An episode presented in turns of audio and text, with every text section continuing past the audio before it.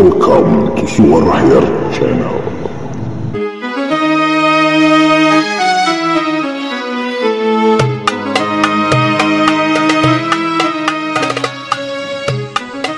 Assalamualaikum warahmatullahi wabarakatuh Kembali bertemu dengan saya Ahyar M. Permana Kali ini saya ada di konten baru di Suara Ahyar Apa itu?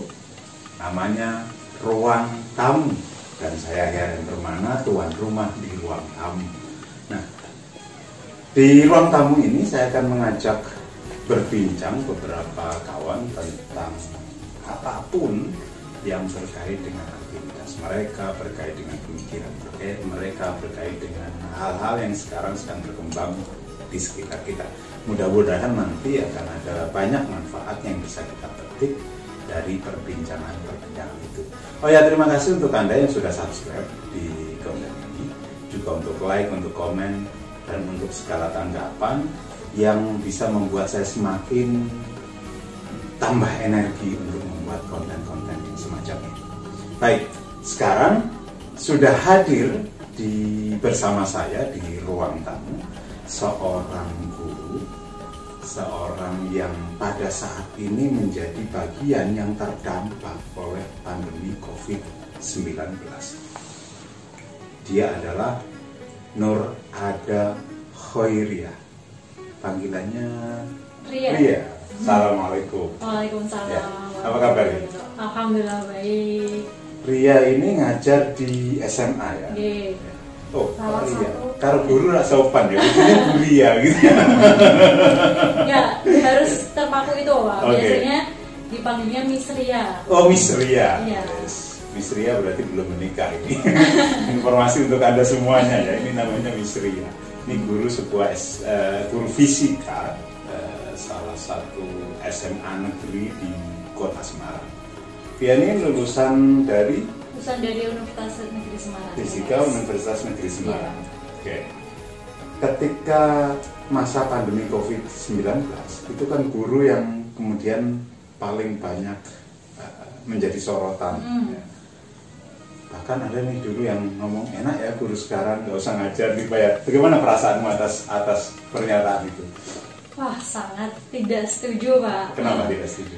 Saya sebagai guru fisika soalnya selalu menerangkan di kelas. Hmm. Soalnya tahu sendiri kan, Pak, kalau fisika tidak diterangkan, Hmm. siswanya mau Bubar gimana Bu, wi opo. Ya.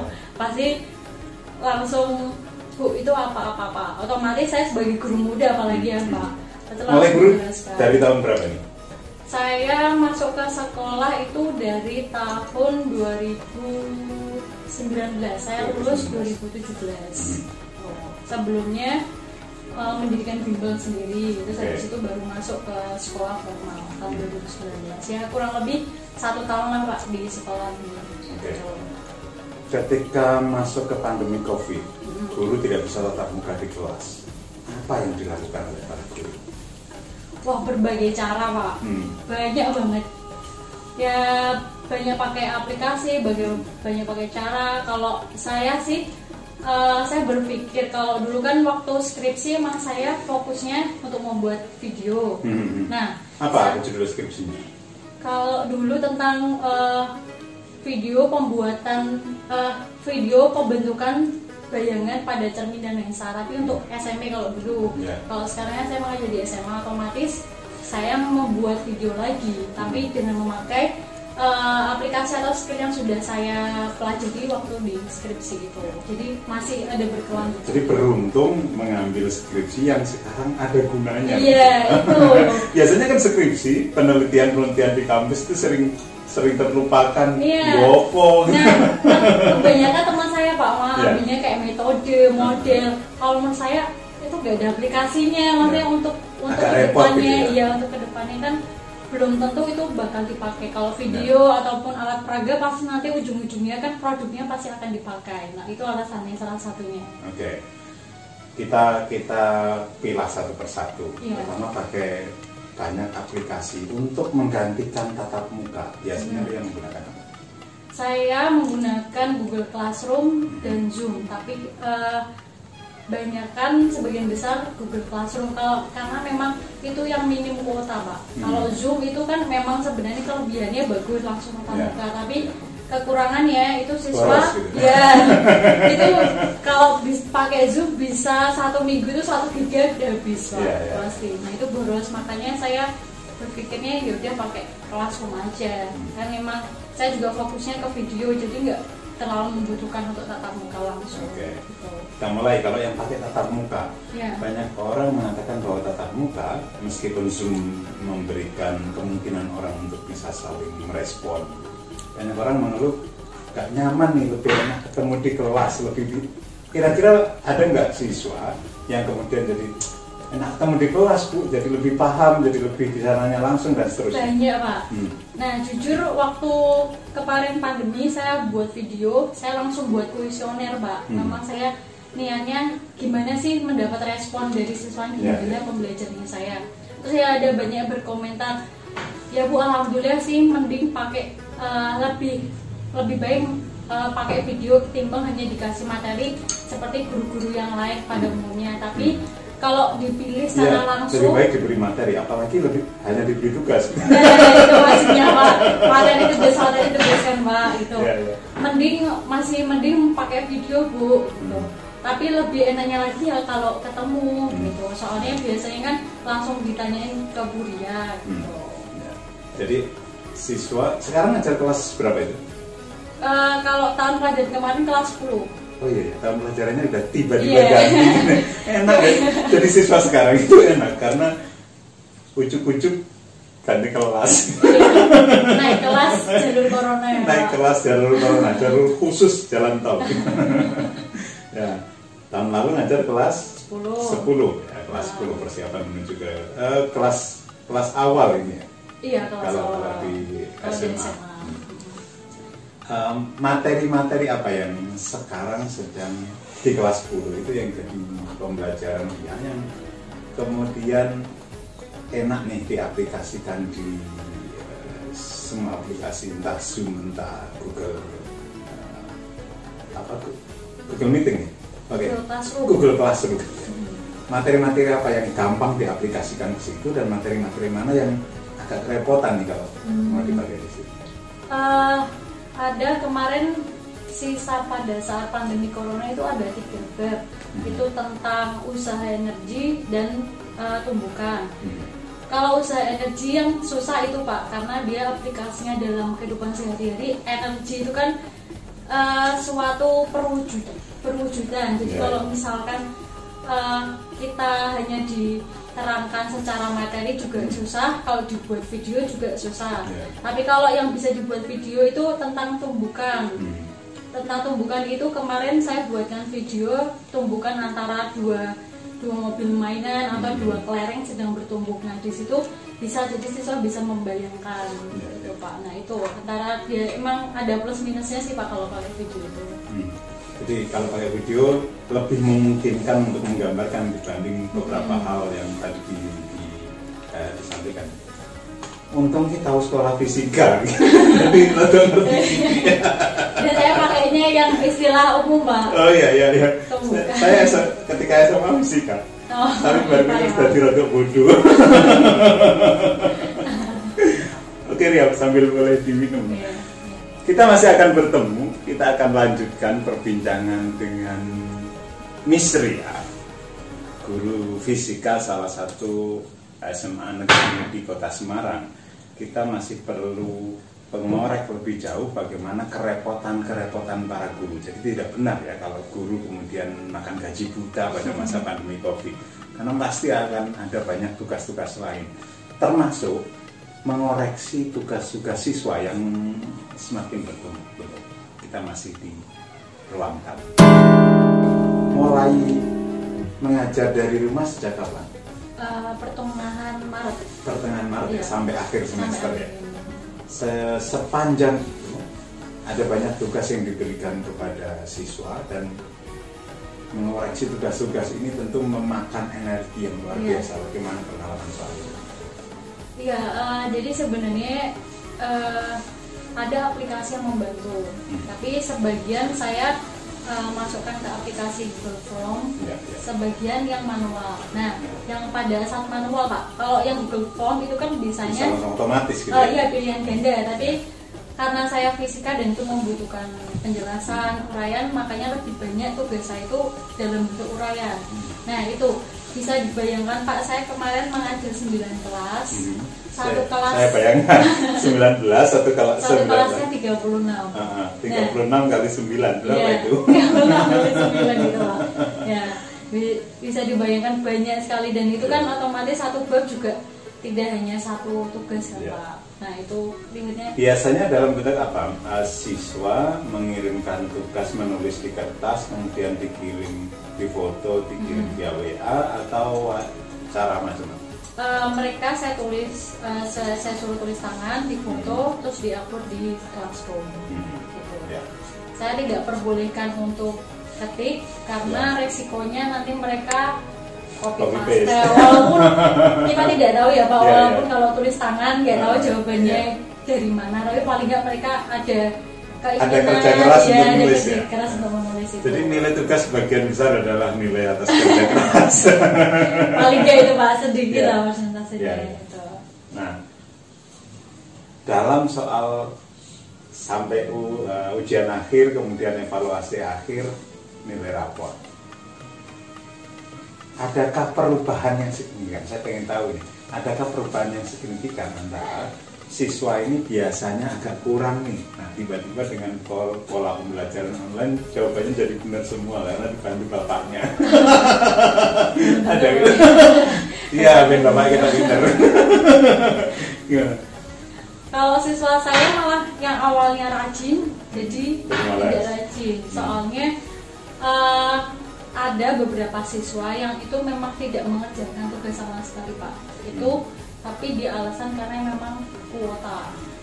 Di Semarang, adakah kendala-kendala siswa karena apa sinyal jelek, kuota kurang dan semacam itu? Kuota. Kuota betul. Ya, walaupun dari sekolah juga sudah menyediakan pak. Itu tapi Tinggal anan. ya, mungkin keperluan tugasnya kan bukan hanya dia Oh, iya, iya, iya. banyak Oke. mapel karena Hmm. terus akhirnya dia butuh kuota lebih pak. Ya. Gitu. Terus akhirnya ya mau tidak mau akhirnya mereka eh, titip tugas ke temannya ataupun masih ada misalkan dari lima tugas ada satu yang kosong Hmm. gitu nanti bisa ditutup dari tugas-tugas aktif keaktifan di kelas sebelumnya sebelum pandemi itu Ya. Soal bikin video pembelajaran, bagaimana proses yang mungkin bisa di-share kepada banyak guru lain atau juga banyak orang tua untuk memahami betapa repotnya para guru menyiapkan uh, pembelajaran buat anak uh, siswanya. Hmm. Bagaimana mempersiapkan video pembelajaran? Eh, saya membuat skenario dulu, membuat materi dulu. Kira-kira misalkan tadi tentang tumbukan, itu saya harus menyiapkan skenario bagaimana tumbukan itu eh, bisa teridentifikasi karena ada Hmm. berbagai macam tumbukan jenisnya. Jadi saya harus tahu mempraktekkan sendiri di rumah. Saya rekam, Hmm. terus habis itu digabungkan dengan animasi lain Hmm. pakai uh, aplikasi kalau waktu itu saya pakai aplikasi animasinya video scribe Hmm. terus habis itu uh, saya masukkan suara saya gabungkan jadi satu pakai Corel Video Hmm. itu salah satu caranya bisa Ya. kalau lebih gampangnya lagi itu juga bisa kita membuat PPT materi-materi PowerPoint ya? Iya. terus uh, setelah itu diterangkan uh, gurunya jadi ada PPT di laptop terus ada aplikasi untuk merekam kayak screen recorder Mhm. untuk merekam guru menjelaskan uh, menjelaskan materinya itu yang di PPT Ya. Untuk pengambilan gambar dan suaranya. Iya, uh, Nah, bisa bantu kepada para guru. Barangkali kan kalau guru-guru muda, saya yakin eh, sangat enak lah ber- beraktivitas, berinteraksi dengan segala perangkat teknologi baru. Tapi beberapa guru yang mohon maaf agak senior kan perlu pertolongan anaknya, perlu pertolongan orang lain untuk bisa membuat video pembelajaran. Mungkin bisa dibantu perlengkapan minimal macam apa sih yang diperlukan untuk bisa bikin video perlu kamera yang keren perlu HP yang bagus atau sekarang? Eh, kalau menurut saya hanya cukup pakai HP. Hmm. Di HP itu eh, kita bisa merekam suara dan gambar. Ya. Terus setelah itu editingnya bisa pakai aplikasi yang di dalam HP. Karena Ya, ya. sekarang aplikasi di HP Banyak kan banget ya. banyak Ya. banget. Nah itu sebenarnya bisa langsung dari HP langsung cut, dikasih musik atau apa itu langsung jadi. Itu Ya. minimalisnya seperti itu ya Pak. Nah sebenarnya kok sebenarnya itu lebih ke apa ya usaha atau keinginannya dari guru tersebut Hmm. gitu. Yang jelas harus mau repot gitu ya. Ya itu tidak hanya ngasih apa PDF atau PPT di share ke anak terus Ya. ngasih tugas gitu. Jadi ini tantangan. Saya kira guru-guru macam dia ini perlu perlu diperbanyak jumlahnya. Dan saya kira sudah cukup banyak kok ya guru-guru. Iya guru-guru muda. Ada komunitas guru-guru atau entah di sekolah, entah dengan sekolah lain, entah dengan MGMP barangkali yang berkait dengan bagaimana bikin video pembelajaran, bagaimana menyiasati sekolah di masa pandemi.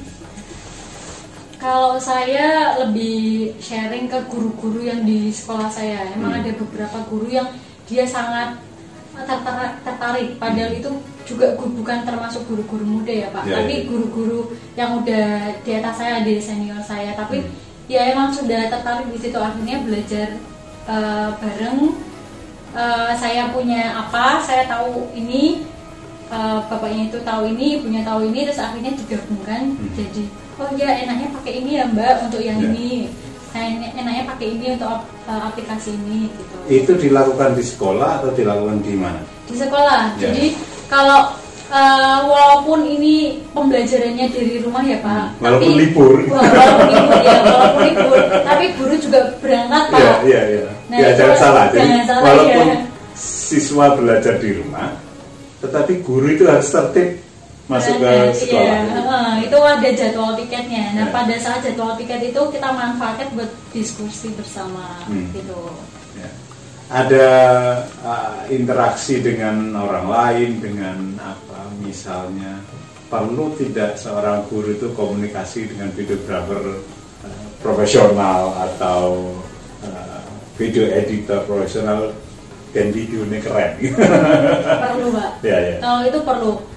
Eh, karena mengikuti perkembangan zaman kan video tidak hanya asal ngerekam terus habis itu di cut ditambahi apa terus- Siswanya enggak, siswanya lebih pinter gitu Iya. sama video gitu ya. Iya, Pak. Nah. Nah, jangan sampai malah siswanya mengkritik, "Loh, Bu, video ini jelek banget. Hmm. Kenapa nggak dikasih animasi yang lebih menarik biar Iya. siswanya lebih tertarik juga?" gitu. Pernah dapat masukan dari siswa, ini aku pakai aplikasi ini saja yang lebih gampang, pakai video dari sini saja yang lebih bagus itu misalnya Hmm. pernah nggak?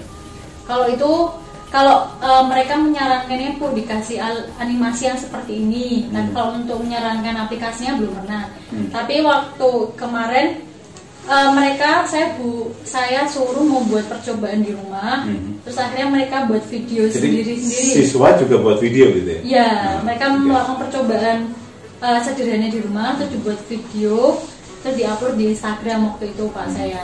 Nah itu dari situ sudah tahu pak mereka aplikasinya yang dipakai ini ini. Wah ternyata murid Hmm. Ya, saya keren-keren. juga keren-keren ya pak. Wah videonya masa aku malah Jadi bagus-bagus bikin pak. malu gitu. Iya. Wah ternyata wah Ya, ya, kalah ya. gitu pak. Ya. Oh bagus-bagus. Bagaimana antusiasme siswa untuk bikin video eh, praktik? Karena Hmm. jelas fisika dan beberapa pelajaran eksakta tidak memungkinkan untuk hanya pelajaran teori semata. gitu. Hmm. Jadi perlu praktik, perlu percobaan yang biasanya dilakukan di lab, kali ini harus dilakukan Iya. di rumah. Bagaimana me- melakukan itu? Karena kemarin percobaan saya eh, yang saya berikan ke siswa itu tugasnya hanya mengamati bola bekel atau kelereng yang bisa ma- apa dipantulkan Mantul. ya. Cuman mantul-mantul gini aja Pak video itu terus mereka saya suruh analisis kira-kira itu tumbukan apa yang terjadi, Hmm. terus gesekan apa yang terjadi. Nah, mereka saya suruh buat seperti itu aja. Nah, kalau eh, responnya dari mereka Hmm. saya tidak tanya langsung Pak, tapi saya mengamati dari komen-komennya Pak. Iya, iya. Teman-temannya memberikan kom dari sekolah lain memberikan komen. Tumben kok niat men. Ada keseriusan yang bertambah Iya, di siswa. eh, ya. Hmm. Ada beberapa komen seperti itu. Iya, oboh nih. nah gitu Ter- terus saya mikir ya ya udah alhamdulillah malah mereka niat ya pak serius Ya. paling enggak ada kegiatan di rumah walaupun sederhana gitu Kalau semua guru melakukan serupa itu, siswa akan jadi sama sibuknya dengan guru. Iya. ya, tidak hanya main game online. Iya iya iya. Oke, kita masih ada di ruang tamu dan bersama dengan tamu saya seorang guru muda, guru yang saat ini beradaptasi, terpaksa harus beradaptasi dengan pandemi COVID-19 yang tidak memungkinkan proses pembelajaran tatap muka. Jika Anda punya tanggapan, silakan memberikan komen di sini juga saran barangkali untuk untuk kawan-kawan guru yang akan melanjutkan di proses pembelajaran di tahun ajaran berikutnya. Masih di ruang tamu bersama saya Yar Permana, tuan rumah di ruang tamu dan kali ini tamu saya menurut ada Khairia, guru sebuah SMA negeri di kota Semarang. Ini guru muda, baru setahun ya Iya. dia menjadi guru dan tiba-tiba langsung mendapatkan pengalaman yang luar biasa seperti ini. Mulai tertarik jadi guru kapan? Eh, saya tertarik menjadi pengajar pak Oh, saya pengajar suka ya? mengajar Nah. kalau ketemu dengan Tidak harus guru gitu. tidak harus guru Ya. jadi saya suka kalau ketemu orang mengajarkan sesuatu saya suka Hmm. gitu bisa merubah mood saya yang jelek Kalau bagus. kalau Ria memberikan testimoni semacam ini, saya suka jadi pengajar di Instagram gitu misalnya pasti akan ada ajar saya guru aja. Iya. Iya. Saya suka Pak kalau di kelas kayak gitu. Ah. Bu, saya mau tanya, saya mau tanya. Itu saya lebih suka Pak ketimbang mereka ah diam di kelas fisika itu kan nggak gampang bikin siswa satu antusias itu jelas tidak gampang. Ini pengalaman seorang mantan siswa fisika. Membuat siswa antusias tidak gampang membuat siswa bertanya. Tidak gampang bukan karena mereka tidak tahu tapi karena Tidak tahu yang eh mau bukan. ditanyakan. ya tidak tahu yang mau ditanyakan. Bagaimana membangun kelas agar siswa antusias itu dulu bagaimana caranya? Eh, memang mereka saya pancing. Biasanya saya berikan awalnya sebel em, di awal pelajaran biasanya saya eh, pancing dengan poin Hmm. poin keaktifan di kelas Hmm. emang itu nanti sebagian dari nilai Hmm. tapi kan eh, dari awal seperti itu akhirnya mereka terbiasa Hmm. terus akhirnya malah mereka kalau menemukan kesulitan malah langsung tanya Hmm. dan kadang-kadang malah tanyanya langsung berbuntut ke ruang guru pak Hmm. dan jadi nututi ke ruang guru kalau Iya, di iya. kelas belum paham gitu Oke, jadi ada poin kalau Iya. yang nanti Awalnya, aktif ya. akan ada tambahan, ada Hmm. bonus. Hmm. Nah, kalau kayak kalau semacam reward ah, reward, Iya. oke. Jadi itu yang bisa membuat kelas fisika bukan kelas yang seram gitu ya. iya Nah, karena kelas fisika, kelas matematika, kimia itu Iya. kan biasanya kelas-kelas yang ah, Iya. berat gitu ya. Nah, kalau enggak saya emang dekati sebagai teman ya Pak, Hmm. tahu bagaimana cara cara yang mereka belajar, cara yang mereka berkomunikasi. Ya memang di kelas suasananya tidak saya buat tegang Pak, Hmm. karena memang sesuai pengalaman saya dulu juga kan Ya, Pak. ya. Kalau di fisika kan tahu sendiri usahanya bagaimana caranya biar eh, siswa saya senang dengan fisika, Hmm. walaupun mereka belum tentu Paham? paham Nah, ya. paling nggak mereka sudah mencoba Hmm. gitu Oke, satu bikin antusias. Yang kedua, bagaimana memancing agar siswa mau bertanya. Eh, kalau itu biasanya saya kasih soal Mhm. mereka tidak paham otomatis langsung bertanya itu saya tidak tahu mungkin mereka sudah merasa saya Ya. sebagai teman atau sebagai eh, guru yang mudah untuk ditanya ya pak akhirnya ya mereka secara otomatis langsung bertanya tapi kalau kadang kan eh, kelas 10 saya ajar kelas 11 diajar dengan guru yang lain yang saya tanyai gimana di kelas enak ada bu pegang bu Ya. lah kamu tanya tuh ya Nggak jadi. Gitu. nah Ya, itu mungkin karena karena fisika dari- pelajarannya sulit, gurunya sulit juga biasanya. Iya, gitu. biasanya gurunya kan pendiam gitu kan Ah. pak. Nah gitu kalau saya biasanya di kelas saya puteri satu-satu pak Hmm. gimana ada yang susah nggak puteri saya sa- satu Jadi persatu guru fisika perlu cerewet ya perlu sangat perlu pak Iya, iya. terus tahu guyonannya mereka Hmm. apa yang lagi tren gitu di kelas itu kadang gede malah saya digodai sama Hmm. siswa saya itu Iya. ya suka ya itu dibanyolin tapi ya masih dalam tahap yang sopan gitu pasti Ya.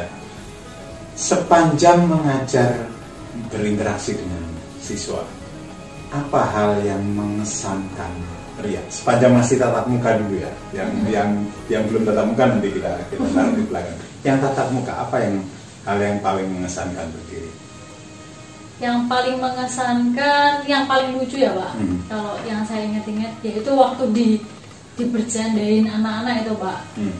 di apa digombalin Ya. kalau eh, istilah zaman guru sekarang. ini ya dikembali.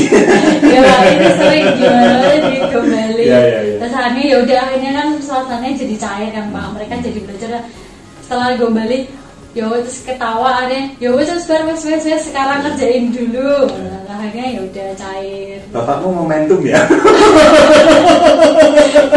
Gimana gombalan gombalan fisika itu?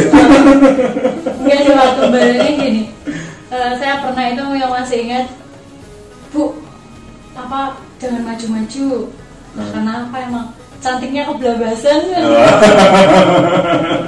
dasar. Murid kurang ajar gitu. Aku main dulu. Eh, bagaimana membuat kelas-kelas menarik? Tadi sudah disampaikan Riana. Sekarang di ketika tidak tatap muka, ya, kan ada pengalaman-pengalaman baru yang tidak terduga. Hmm. Pernah sekonyol apa sih pengalaman yang sekonyol atau semenarik apa pengalamannya Ria ketika pembelajaran tidak tatap muka terutama kan pernah pakai zoom ya yang yang yang apa pakai interaksi langsung apa yang terjadi Eh, biasanya yaitu pak kalau pak pada saat pada eh, pakai zoom itu ada yang siswa yang emang ada beberapa yang yang tertarik ada yang pasti ya itu ada yang ngantuk. Hmm. gitu. Oh nah jadi kelas sih kan ngantuk gitu. Iya, apalagi kalau Zoom kan nggak bisa langsung ditegur Pak. Mungkin Ya, ya. kita nggak bisa memonitor satu persatu kan Pak. Beda kalau di kelas ngantuk ya udah tahu dulu sana ke, ke belakang dulu gitu. Kalau yang mengesankan itu kalau video saya membuat video kan biasanya saya membuat video terus jeda saya beri tugas dari video itu Hmm. terus saya membuat video lagi nah itu sebelum saya membuat video siswanya udah minta pak nagih ke saya Hmm. nah itu yang bikin lagi bocah guru Iya. deh durung Iya. siap-siap belum betul apa waktu dipikir bikin video itu gampang lah itu gitu. pak makanya terus akhirnya saya suruh mereka buat video bu ternyata buat video susah ya bu nah iya makanya makanya hargai gurumu atau siapa pun yang memberikan produk atau suatu hasil karyanya. Gitu. biar mereka tahu rasanya. Sekarang saya tarik agak mundur. Siapa yang menginspirasi dia kemudian pengen jadi pengen jadi pengajar? Em, datang dari keluarga guru? Ya enggak? Bapak ibu? Usaha semua. Mhm. Hmm, apa ya Pak? Mungkin karena oh karena saya dulu waktu SMA SMA di mana SMA 2 SMA 2 Semarang. oh SMA 2 SMA Semarang Semarang. muridnya Bapak Teguh Wibowo ya Jelas. Ya, Mas Teguh apa kabar? Tanggapan sampai perlu duduk di sini juga ya. ya Iya. Mas Teguh itu senior saya di di banyak tempat di UNES, di GIM, Iya. di SSN seterusnya. Sangat. Ya. Oke lanjut. Terus eh, Di Sendang Gua sana ya. Iya, se- sedang gua. Karena mungkin saya waktu SMA masuk ke eh, masuk ke perkuliahan itu saya tidak ada gambar pak sejujurnya saya tidak ada gambar mau masuk jurusan apa pak Hmm. Bahkan masuk perguruan tinggi mana nggak tahu. kalau itu sudah diwanti-wanti orang tua pak harus di Semarang Oh, ya. karena anak cewek Ya. terus saya memilih eh, jurusan yang ada hitung-hitungannya. Gitu. Terus akhirnya saya mau Kenapa kok milih ada hitung-hitungannya? Karena ketika SMA pelajaran hitung-hitungan lumayan bagus atau? Iya dari SD sampai SMA yang paling bagus hitungan hitung hitungan semua pak. Hmm. yang apa hafalan saya rada kurang suka bosan bahaya, gitu pak. bahaya ini. Calon istri yang bahaya nih tanya itu hitungan. Ya Terus. itu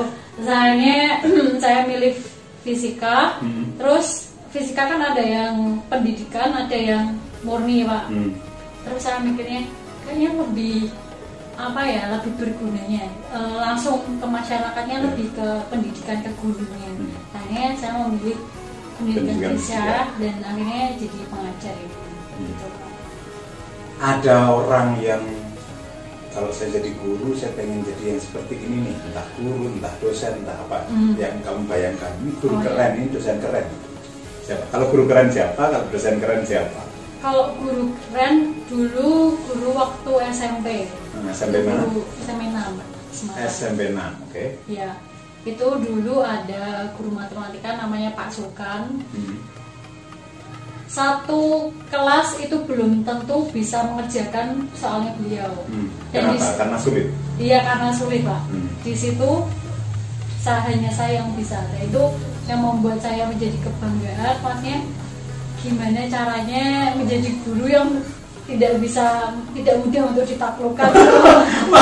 Ini, alasan yang aneh pengen jadi guru sih angel Karena di kelas kalau misalkan saya ngasih soal, kalau siswa saya kebingungan saya masih bahagia ini guru yang nggak suka ada muridnya bahagia Tapi kalau masukkan mereka- ini inspirasimu ini Tapi kalau akhirnya mereka jadi bisa Hmm. eh, mencari solusi dari soal itu, malah saya yang Iya. acamin jempol. Nah itu berarti benar-benar bisa. artinya sama-sama belajar. Iya. eh, guru belajar membuat soal yang sulit Iya. siswa belajar membu- eh, untuk Memecahkan memecahkan soal yang sulit bisa. Apa ini jelasin tadi kalau dosen siapakah dosen yang eh, menurut Ria ini keren? Em, itu ada dosen fisika tapi mengajarnya bahasa Inggris. Jadi Hmm. bahasa Inggris dalam fisika. Ya sama dengan Pak Sultan soalnya sulit gitu. Enggak. Nah, ya. karena saya suka karena beliau friendly juga mengajarnya eh, enak di kelas. Aksen bahasa Inggrisnya itu mudah diterima mahasiswa dekat dengan mahasiswa. Jadi ya mungkin salah satunya karena saya juga dekat dengan beliau kan pak. Mhm. jadi kalau dulu waktu seminar saya diajakin disuruh jadi MC di seminar ya oke. Mhm. terus akhirnya ya saya lebih saya pengen menjadi sosok eh, pengajar yang dekat dengan siswanya, dekat dengan eh, anak siswanya, peserta didiknya. Jadi nggak perlu harus tegang gitu kan Pak. Oke. Jadi perpaduan antara Pak Sulkan sama Nah, satu bikin ini perpaduan yang nggak nyambung ya, nggak nyambung satunya pengen dekat dengan siswa friendly tapi yang satunya pengen bikin soal yang sulit kayak orang yang pengen bersahabat tapi merepotkan sahabatnya Loh, malah jadi bersahabat Ya, Pak, ya, ya. karena susah. oke saya lanjutkan Eh, adakah yang diharapkan ya berkait dengan pendidikan apa pengen jadi sesuatu macam apa pengen bikin sekolah atau pengen kuliah lagi atau semacam Eh, banyak sih Pak kalau saya. hitung hitungan masuk tapi ya Masuk, masuk, masuk, Pak.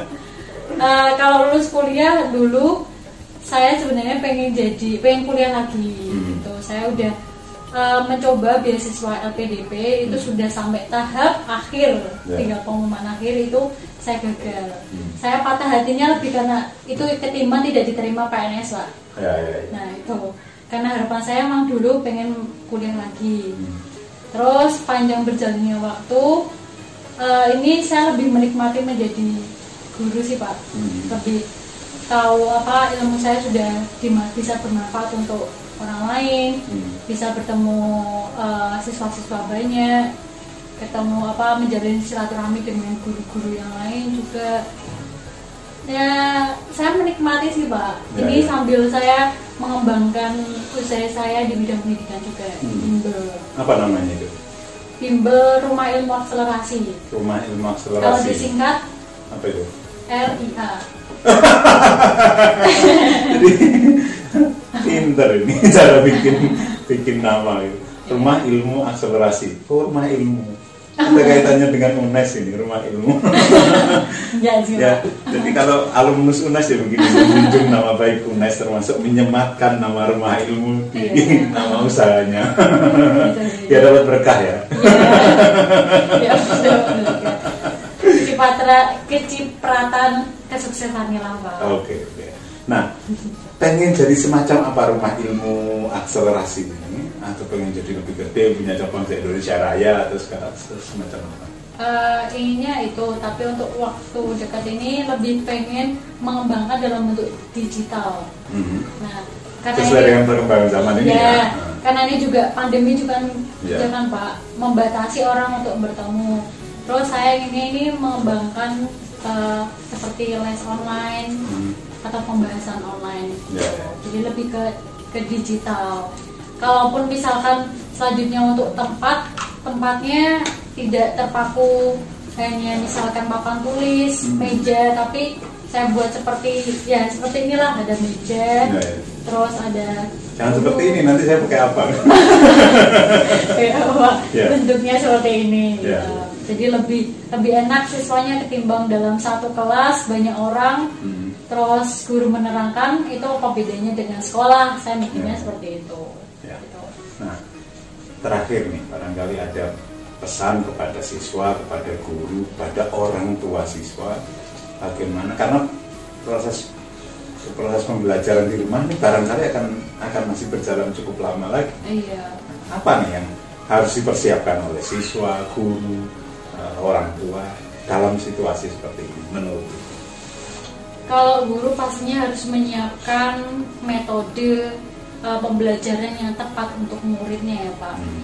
Karena emang harus menyesuaikan keadaan, menyesuaikan perkembangan zaman yang tidak harus melulu kita menerangkan tatap muka di kelas, Hmm. tapi juga harus tahu perkembangan digital yang berkembang saat ini. Ya, ya. Terus untuk siswanya harus rajin, Mbak. Hmm. Jangan malah semakin lama makanya semakin loyo. Hmm. Nah, itu eh, mau bagaimana keadaannya, mau bagaimana suasananya, kalian harus belajar, harus rajin. Eh, jangan takut untuk eh, apa ya terpengaruh untuk terpengaruh untuk ma- malah jadi malas apa terpengaruh untuk isu-isu apaan? Apa pendidikan sekarang kok online? Orang bayar kok malah online gitu kan pak. Ya. nah kalian harus tahu eh, sudut pandang yang berbeda. Jangan hanya melihat dari sudut pandang kalian saja tapi harus tahu sudut pandang kira-kira eh, harusnya itu yang dipinginkan ini seperti ini. Nah kalian harus tahu sudut pandang sudut pandang lain selain sudut pandang kalian. Oke, kalau untuk orang tua, Nah, untuk orang tua eh, harus mensupport anaknya, hmm. baik untuk eh, mendampingi mereka belajar di rumah Hmm. ataupun menyediakan eh, sarana prasarana walaupun memang tidak semua orang tua bisa menyediakan keseluruhan ya Pak. Ya. Paling enggak mereka mensupport lah, tidak malah ada beberapa orang tua yang mereka malah alah apa melu melu apa dodolan wae uh, sinaune ning omah iso Ya. ngongko wae gitu. Itu jangan seperti itu. Jadi jadi orang tua juga harus mensupport penuh. Oke. Oke, terima kasih Miss Ria atas kunjungannya di ruang tamu kali ini. Mudah-mudahan ada banyak manfaat yang bisa Ya, dipetik oleh penonton. Terima kasih untuk Anda yang sudah setia untuk menonton di ruang tamu. Ini eh, edisi perdana ruang tamu tempat kita mengobrol banyak hal dengan berbagai orang. Yang pertama ini tamu saya eh, Nur Ada Khairiyah, guru salah fisika salah satu sekolah negeri SMA negeri di kota Semarang. Mudah-mudahan ada manfaat yang bisa kita petik eh, dari perbincangan ini. Jika ada manfaat yang ada itu silahkan share ke orang lain. Terima kasih untuk Anda yang sudah subscribe, like atau memberikan komen. Silahkan tambah tambahkan komen di bawah ini untuk apa yang mesti saya perbaiki lagi berkait dengan konten ruang tamu. Kita bertemu di kesempatan yang lain. Assalamualaikum warahmatullahi wabarakatuh. Saya Heran Permana. Berbagi cahaya.